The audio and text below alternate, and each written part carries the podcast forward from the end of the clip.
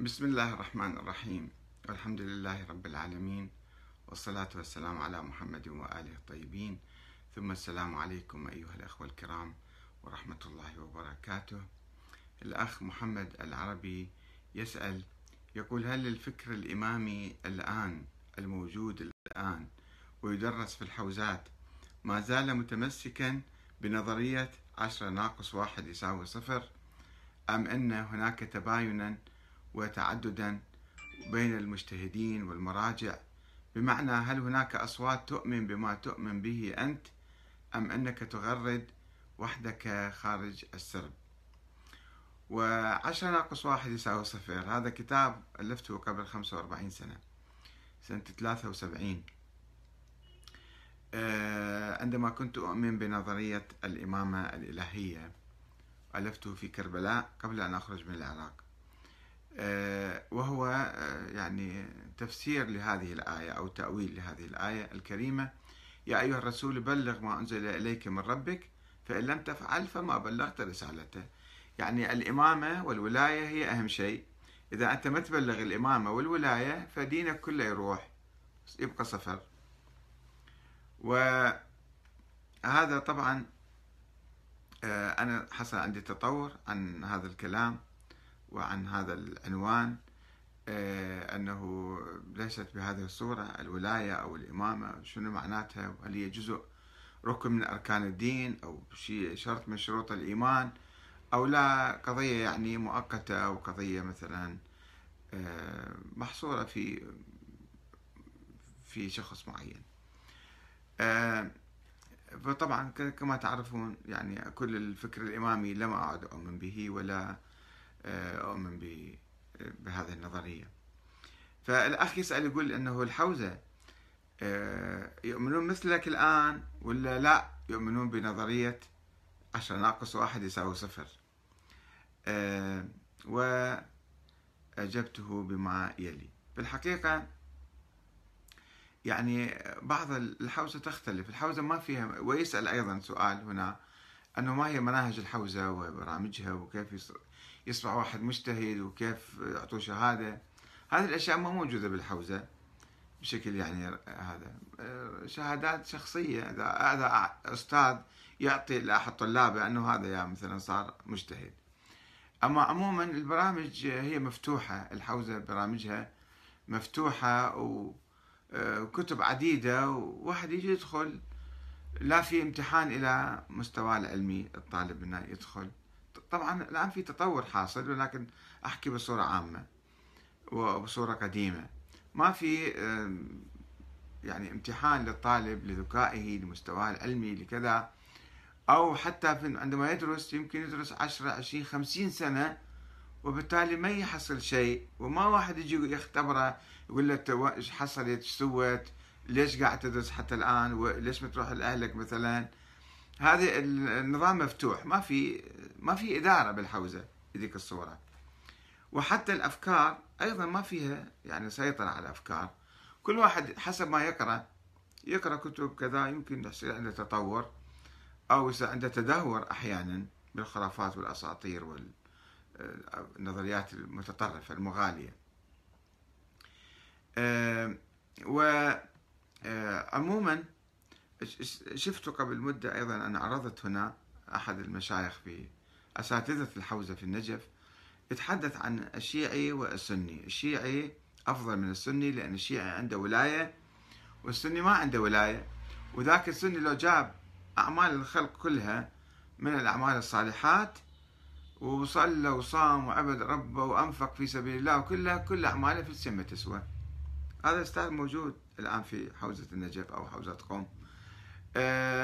ويلقي محاضرة عليها. ولا أحد يناقشه ولا أحد يرد عليه ولا أحد كذا مثلا.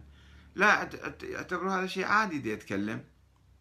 فموجود. هكذا ناس فعلا موجودين. يؤمنون بنظرية عشرة ناقص واحد يساوي صفر. والعياذ بالله. بينما القرآن الكريم كم مرة إحنا قرأنا؟ الآيات الأولى من سورة البقرة أنه آه، شروط الإيمان الإيمان بالله تعالى واليوم الآخر وبالنبي آه، والأنبياء وإقامة الصلاة وإيتاء الزكاة أولئك على هدى من ربهم وأولئك هم المفلحون. الله سبحانه وتعالى يقول فما يشترط عشرة ناقص واحد يساوي صفر. والإمام أمير المؤمنين عليه السلام عندما خرج عليه الخوارج وكفروه خوارج كفر الإمام علي قالوا لقد كفرت تعال توب إلى الله. يعني بعد ما عندهم ولاية ما يحبون الإمام ولا يخضعون له ولا شيء. مع ذلك الإمام قال عنهم أن لهم علينا ثلاثة حقوق. أن لا نمنعهم مساجد الله. ويجون يتكلمون في المساجد ضدي. وأن لا نقطع عنهم الفيء. الراتب مالهم أيضا يمشي. وأن لا نبدأهم بقتال. يعني الموقف العام للإمام أمير المؤمنين كان متسامح مع هؤلاء. وأيضا عندنا أحاديث من الإمام الصادق أيضا آه، بضرورة معاملة المسلمين معاملة جيدة وأخوية ورائعة أقرأ لكم الحديث. ولكن قبل أن أقرأ الحديث أشير إلى بعض المواقع. مواقع سلفية بالحقيقة مملوء بها الكمبيوتر الإنترنت. ووراءها أنا أعرف شخصيا أعرف في ناس مثلا واحد اسمه فيصل نور. هذا مخابرات بحرينية. يشتغل ويبث دائما سموم وأفكار سلبية ويروح ينتقون. عندهم مدارس خاصة عندهم ناس يشتغلون عليها. يقرون كتب الشيعة مثلا عبر التاريخ ألف سنة. ويطلعون إيش ماكو واحد متطرف واحد مغالي واحد مجنون. واحد ما أعرف شنو أقول عنه. عنده أفكار أو كلمات مثلا شاذة وكلمات عنيفة. تفضلوا. هذا العلامة الفلاني إمام الشيعة زعيم ما أدري شنو يقول هكذا وكذا. حتى يعطوا صورة سلبية عن الشيعة. أنهم هكذا ينظرون إلى بقية المسلمين. يكفروهم ويستبيحون أموالهم ودماءهم و آه، يعني أصلا ما يعتبرون دول المسلمين من لا يؤمن بالولاية أو بأئمة أهل البيت وذولا نواصب وذولا كذا كذا. بالحقيقة الصورة مو هالشكل. يعني لو واحد كان منصف ونظر إلى عموم آراء الشيعة وبعدين إحنا بالتاريخ إجوا ناس افترضوا متطرفين ناس غلاة. شو خصنا فيهم؟ إحنا مسلمين نؤمن بالله تعالى ونؤمن بالقرآن الكريم والنبي محمد. القرآن الكريم شو يعلمنا ما يعلمنا الأداء الآخرين. ويل لكل همزة لمزة. يعني شنو همزة لمزة؟ اللي يهمز بعينه أو كذا. ما بي هذا حرام. ويل. ما يقول هذا شيعي أو هذا سني أو هذا حتى مسلم أو مسيحي. يعني الأخلاق اللي علمني إياها الإسلام احترام الدماء احترام الأموال عدم التطفيف في الميزان هذا مع كل الناس. مو مع خاصة الشيعة فقط. فالمسلمون الشيعة هم مسلمون قبل أن يكونوا شيعة. وبالتالي كل أخلاقهم وأحكامهم واجباتهم نظراتهم للآخرين تستوحى من القرآن الكريم. هسه إذا إجا واحد بالتاريخ أو حتى الآن مثلا في ناس متطرفين مشبوهين غلاة يقولوا بعض الكلام لا يلزم بقية الناس. فيجب أن نفصل بين أقوال الناس الشاذين الذين قالوا كذا وكذا وبين عامة الناس وننظر إلى واقع الناس. هل الواقع أن الشيعة مثلا وخاصة الناس المختلطين معهم يعرفون ناس مثل ما يتعاملون مع كل بقية الأخوان يتعاملون معهم ولا ينظرون. الناس البعيدين بس يسمع باسم الشيعة ويقرأ عنهم من خلال الإنترنت أو من خلال المواقع آه، المشبوهة. ياخذ نظرة سلبية. أن الشيعة يقولون كذا الشيعة يقولون كذا. تعال عيش معهم شوف الكرم شوف الجود شوف الأخوة شوف المحبة شوف السلام شوف التعاون. موجود بين الناس كأي ناس طبيعيين. وما عندنا هالأشياء الأسطورية اللي تركب على الشيعة وتسود آه، نظرة الناس الآخرين آه، لهم. وعلماءنا المعاصرين أيضا آه، شوفوا السيد السيستاني مثلا مرجع الأعلى للشيعة يقول لا تقولوا للسنة هؤلاء إخواننا بل قولوا أنفسنا. أنفسنا يعني عاملوهم كأنفسكم. وأيضا عنده كلام يقول أنه يعني ما يشترط ال ال الولاية في في الإسلام. وعلماء آخرين خلينا نشوف الشيخ مثلا آه، أول شيء أقدم هذه المقدمة الصغيرة ثم أدخل معك لقد ورثنا تراثا سلبيا جوابي عن الأخ الأخ محمد العربي. لقد ورثنا تراثا سلبيا كثيرا ونحاول كما تحاول أمتنا التخلص من هذا التراث. وتعمل آه، على أمتنا تعمل تعمل على توحيد المسلمين وتطهيرهم من الخرافات والأساطير والنظريات الباطلة. ولكن بعض السلفيين المتطرفين يحاولون استخدام هذا التراث في تعميق الهوة وزرع الحقد والعداوة والبغضاء بين المسلمين فيستغلون التراث السيء ليتهموا الناس المساكين الذين لا يعرفون منه شيئا ولا سامعي ولا قاري ولا مر على بالهم. ويقولون مثلا أن الشيعة يكفرون السنة ويحقدون عليهم ويستحلون دماءهم وأموالهم استنادا. إلى أقوال بعض الشيوخ الغابرين أو بعض الروايات الموضوعة الموجودة في الكتب الصفراء. ولا ينظرون إلى الناس كما هم اليوم الذين يعيشون بمحبة ووحدة وأخوة مع بقية المسلمين ويدعون إلى وحدة المسلمين. إذا لابد من التفريق بين النظريات والأحاديث في الكتب وبين واقع الناس. فليس كل من حمل اسم التشيع أو التسنن يعرف أو يلتزم بما هو موجود في الكتب. حتى الوهابية ليس كل وهابي هو يؤمن بتكفير المسلمين. الوهابية أقسام ودرجات وأنواع. يعني في فترة معينة مثلا أيام محمد عبد الوهاب كان يقول كل من ليس معنا أو لن يدخل معنا فهو كافر حلال الدم. ولكن هاي الكلمة لا تطب حقيقة يجب أن ننصف حتى هؤلاء الوهابيين. أو من يسمون هم ما يقبلون واحد يقول وهابي بس موجودين يعني يؤمنون بخط محمد بن عبد الوهاب. ليسوا دائما بهذه الصورة يعاملون الناس. يعني من الخطأ أيضا أن واحد يجي يقول ذلك كلهم يكفرون المسلمين كلهم. ليس كل المسلمين وليس كل الوهابيين يكفرون كل المسلمين. في خطوط متشددة مثل داعش مثلا. داعش وأخواتها اللي أيضا يستبيحون الدماء ويقتلون ويذبحون وكذا. ومو فقط للشيعة حتى السنة أيضا. فهناك مثلا في الأزهر من اعترف بالمذهب الجعفري ويحترم الشيعة ولا يكفرهم. وهناك من علماء الشيعة أيضا من يحترم السنة ويجيز التعبد على مذهبهم كالسيد كمال الحيدري كما سمعت عنه يعني. فلا بد أن نقرب أو حتى لو ما يجيز التعبد على مذهبهم هو يقول أنا مذهبي صحيح ويحترم المذاهب الأخرى. كما في إيران المذاهب الإسلامية في إيران السنية محترمة في إيران. والدولة تدعمهم والخامنئي يدعمهم؟ بشهادة شيوخ من الأزهر. ذهبوا إلى إيران وشافوا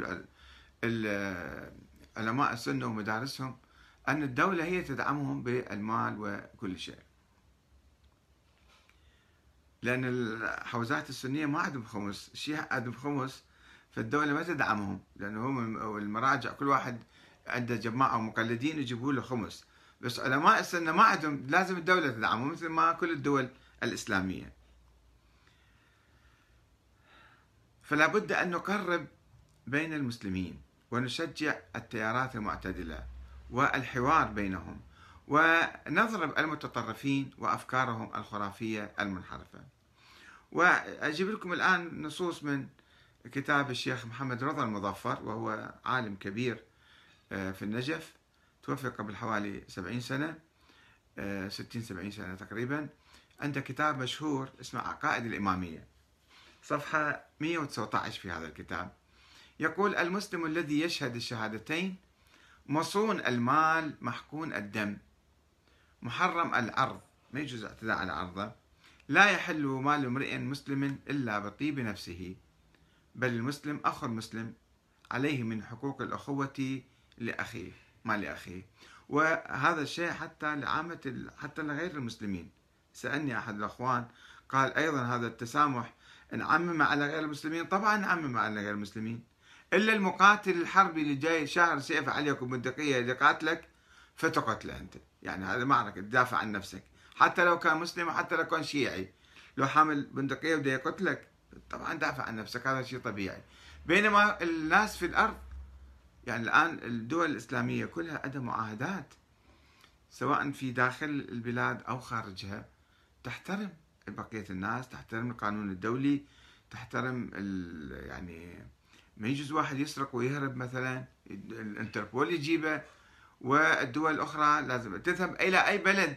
تحترم قانون ذاك البلد وتحترم الناس وما يجوز تعتدي على أي أحد. هذا شيء فطري يعني شيء فطري إنساني. ما يجوز تقتل أحد أو تسيء لأحد أو تسرق ماله أو تعتدى على عرضه أو تسوي له شيء من القبيل هذا. فهذا التسامح الإسلامي يعلمنا هذا الشيء يعني ما يبيح دماء الآخرين وأموالهم وأعراضهم. أيضا الشيخ المظفر يقول صفحة 120 يقول عقيدتنا في حق المسلم على المسلم. إن من أعظم وأجمل ما دعا إليه الدين الإسلامي هو التآخي بين المسلمين على اختلاف طبقاتهم ومراتبهم ومنازلهم. كما أن من أوطأ وأخص ما صنعه المسلمون اليوم وقبل اليوم هو تسامحهم بالأخذ بمقتضيات هذه الأخوة الإسلامية. يعني مسامحين يعني متنكرين لهذه الأخوة. لأن من أيسر مقتضياتها كما سيجيء في كلمة الإمام الصادق عليه السلام أن يحب المرء لأخيه لأخيه المسلم ما يحب لنفسه ويكره له ما يكره لنفسه. يروي الرواية موجودة هذه بالكافي ووسائل الشيعة وغيرها من الكتب. قال المعلى بن خنيس وهذا كان من أقرب وأصدق تلاميذ الإمام الصادق. قلت له الإمام الصادق يعني لأبي عبد الله ما حق المسلم على المسلم المسلم على المسلم ما يقول الشيعي على الشيعي أو الشيعي على المسلم. قال أبو عبد الله له سبع حقوق وواجبات. ما منهن حق إلا وهو عليه واجب في حق وفي واجب. إن ضيع منها شيئا خرج من ولاية الله وطاعته. ولم يكن لله فيه نصيب. آه، سقط هذا الإنسان. قلت له جعلت فداك وما هي؟ قال يا معلى إني عليك شفيق. أخاف أن تضيع أن تضيع ولا تحفظ وتعلم ولا تعمل بعدين. قلت لا لا قوة إلا بالله. يعني خبرني الآن. وحينئذ ذكر الإمام الحقوق السبعة بعد أن قال عنها. أي الأول منها أيسر حق منها أن تحب له كما تحب لنفسك وتكره له ما تكره لنفسك. آه اثنين أن تجتنب سخطه وتتبع مرضاته وتطيع أمره تكون متعاون معه متعايش معه متآلف معه. ثلاثة تعينه بنفسك ومالك ولسانك ويدك ورجلك الساعدة. تروح دائما ساعد المسلمين. أربعة أن تكون عينه ودليله ومرآته. إذا شفت عنده نقص أو شفت عنده خطأ أو شفت تروح تصلحه تنصحه تتكلم معه. خمسة أن لا تشبع ويجوع. شلون أنت مسلم؟ وأخوك المسلم مثلا وحتى الإنسان حتى غير المسلم يعني. أن أن آه، آه، تشبع أنت وهو جوعان. ما آمن بي من بات شبعانا وجاره جائع جاره مطلق. ما يقول لك حتى المسلم. أن لا تشبع ويجوع ولا تروى ويظمأ ولا تلبس ويعرى. هو ما عنده ملابس أنت تلبس ملابس فاخرة. ستة أن يكون لك خادم وليس لأخيك خادم فواجب أن تبعث خادمك فتغسل ثيابه وتصنع طعامه وتمهد فراشه. سبعة أن تبر قسمه إذا حلف شيء أقسم ولا خلص أنت يعني صادق. وتجيب دعوته. إذا دعاك أيضا أنت لازم تتعاون تعيش وياه. فمو تقول له لا تتكبر عليه ما تروح إلى عزيمته. وتعود مريضه. مرض تروح تشوف المريض مالته تعوده وتشهد جنازته. إذا توفى شيعة هذا نوع من إكرام الميت يعني. وإذا علمت حاجة له تبادره إلى قضائها. إذا عرفت هو من دون ما يقول لك من دون ما يسألك تروح تقضي حاجته. ولا تلجئه إلى أن يسألكها. تخليه يذب مي وجهه أمامك ويسألك مثلا محتاج شيء. لا أنت تروح تقضي حاجته. ولكن تبادره مبادرة. ثم ختم كلامه عليه السلام بقوله فإذا فعلت ذلك وصلت ولايتك بولايته. صرت يعني متشابكين. المؤمنون بعضهم أولياء بعض. وولايته بولايتك. وطبعا أحاديث كثيرة تؤكد على هذا المعنى. هناك حديث آخر يرويه معاوية بن وهب عن الإمام الصادق أيضا. قلت له كيف ينبغي لنا أن نصنع فيما بيننا وبين قومنا؟ يعني الآخرين اللي مو يؤمنون بأفكارنا مثلا مو من حزبنا مو من جماعتنا. وبين خلطائنا من الناس. آه، كيف ينبغي لنا أن نصنع فيما بيننا وبين قومنا وبين خلطائنا من الناس ممن ليسوا على أمرنا مو من جماعتنا مو من حزبنا. فقال تنظرون إلى أئمتكم الذين تقتدون بهم فتصنعون كما يصنعون. فوالله إنهم ليعودون مرضاهم ويشهدون جنائزهم ويقيمون الشهادة لهم وعليهم ويؤدون الأمانة إليهم شفت شلون؟ بمنتهى الأمانة والصدق والإخلاص والمحبة يجب أن نعامل بقية المسلمين. مو نقول هذا عشرة ناقص واحد يساوي صفر إذا ما عنده ولاية. هذا إنسان ساقط ومن أهل النار ونحن الفرقة الناجية وذول بقية الناس اللي ما عندهم ولاية كلهم يروحون للنار. هذا كلام مو صحيح. وتأويل تعسفي للقرآن الكريم. هذا الرواية أيضا يرويها العاملي في وسائل الشيعة كتاب الحج. باب العشرة 122 حديث رقم سبعة. طبعا أحاديث كثيرة ولكن المتطرفين الغلاة المشبوهين المندسين يحاولون دائما أن يشوهوا آه، صورة الشيعة وصورة السنة وصورة الوهابية حتى واحد يعادي الآخر وواحد يجي يقتل الآخر ويصير فتنة ونعيش في صراع إلى أبد الآبدين. نسأل الله أن في هذا الشهر المبارك الكريم أن يوفقنا لأداء حقوق إخواننا وخاصة المسؤولين. هذا الإنسان العادي لازم يقوم بهالواجبات. المسؤولين هنا عندهم مسؤولية أكبر في توفير حاجات الناس من الكهرباء من الماء من الأمن من التعليم من الصحة من كل ما يحتاجون. هذول مسؤولين بعد أكثر. يعني هم الشعب يعطيهم أموال ورواتب حتى يحلوا مشاكله. فإذا هم قصروا فمصيرهم يكون جدا سيء ونسأل الله أن يوفقهم ويوفقنا لخدمة دينه وخدمة أمته. والسلام عليكم ورحمة الله وبركاته.